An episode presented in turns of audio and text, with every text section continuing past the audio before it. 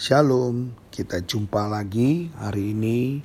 Kita akan terus mendengarkan kebenaran firman Tuhan dan kiranya kebenaran firman Tuhan akan menjadi berkat buat kita bersama. Mari kita akan buka di dalam kitab 1 eh, Korintus ya, 1 Korintus pasal yang ke-13. 1 Korintus pasal yang ke-13 di dalam ayat yang keempat dan yang kelima. 1 Korintus pasal 13 ayat 4 sampai 5. Kasih itu sabar, kasih itu murah hati, ia tidak cemburu, ia tidak memegahkan diri dan tidak sombong. Ia tidak melakukan yang tidak sopan dan tidak mencari keuntungan diri sendiri. Ia tidak pemarah dan tidak menyimpan kesalahan orang lain.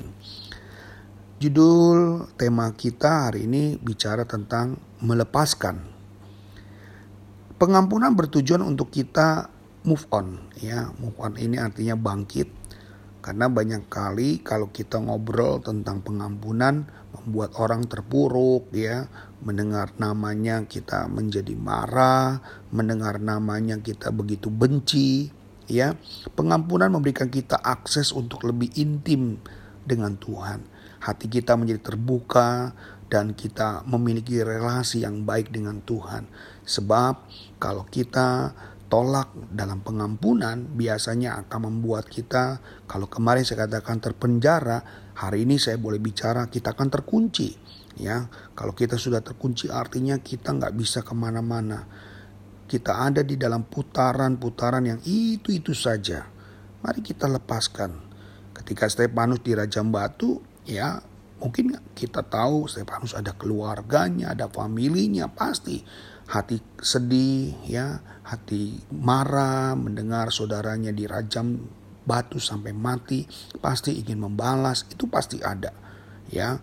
Karena Stefanus pasti bukan hanya manusia yang langsung ada sendirinya, dia punya saudara, dia punya family, dia punya orang tua, dia punya so, uh, istri mungkin dan anak-anak. Mendengar dia dirajam dengan batu, ingin rasa membalas itu pasti ada. Namun kita lihat sorga begitu terbuka ketika Stefanus ya mengampuni orang yang bersalah.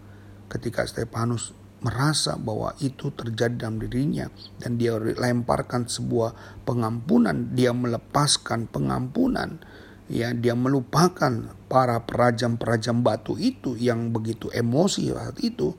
Kita lihat satu hal yang luar biasa. Tema kita yang disebut melepaskan ini adalah melepaskan pengampunan. Karena kalau kita melepaskan pengampunan doa kita pasti langsung dijawab Tuhan. Betapa mulianya betapa mudahnya. Kalau doa-doa kita mau dijawab, doa-doa kita mau didengar Tuhan, ampuni. Pengampunan itu ibarat kita melepaskan tali lonceng gereja yang sudah kita tarik. Kita tidak mau mengampuni ibaratnya kita pegang itu tali dan berupaya untuk balikin pembalasan. Ampuni. Tuhan saja juga bisa mengampuni. Why? Kalau kita mau jadi serupa dengan Tuhan, kita mau ikuti teladan Tuhan, kita mau ikuti uh, bagian Tuhan dalam hidupnya, dah kita juga harus lakukan. Kita harus bergandengan tangan dengan rencana Tuhan yang sempurna.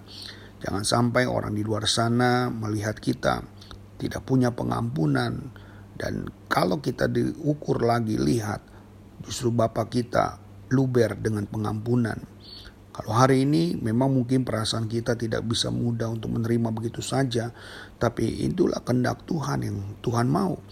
Terima kuasa Tuhan dan kasih Kristus yang sabar ini. Yang tadi sudah kita baca dalam 1 Korintus 13, Kasih Tuhan itu sabar, murah hati, tidak pemarah, tidak menyimpang ke seorang lain. Dan mari Tuhan itu ingin saudara dan saya melakukan apa yang dia sudah lakukan. Itulah yang disebut kebenaran. Kalau saudara mau melakukan apa yang Tuhan perintahkan, ingat tadi saya sudah sampaikan, doa saudara mudah terbuka dan doa saudara mudah untuk dijawab Tuhan. Permintaan-permintaan saudara akan selalu dikucurkan dan Tuhan tidak pernah untuk menahan-nahan. Sebab apa? Engkau sangat menyukakan hati Tuhan. Hidup kita sudah menyukakan hati Tuhan. Hidup kita sudah menjadi kebanggaan Tuhan. Karena kita sudah menjadi pelaku-pelaku firman. Kalau hidup kita ingin menjadi pelaku firman dan kita tidak melakukannya, Dan ini saja penipuan. Kita tidak mau menipu apa yang Allah sudah percayakan dalam hidupmu. Lakukan saja sekalipun engkau sulit ya. Tema kita adalah mari kita melepaskan semuanya itu supaya tidak lagi ada beban ya supaya kita tidak lagi ada uh, intimidasi dalam hidup kita dan inilah tugas kita sebagai pemenang-pemenang Allah. Itu saja saudara-saudara, kiranya kita diberkati Tuhan selalu, berjalan selalu bersama dengan dia, ikuti maunya Tuhan, pasti hidupmu jadi berkat. Itu saja saya boleh sampaikan, Tuhan Yesus memberkati. Shalom.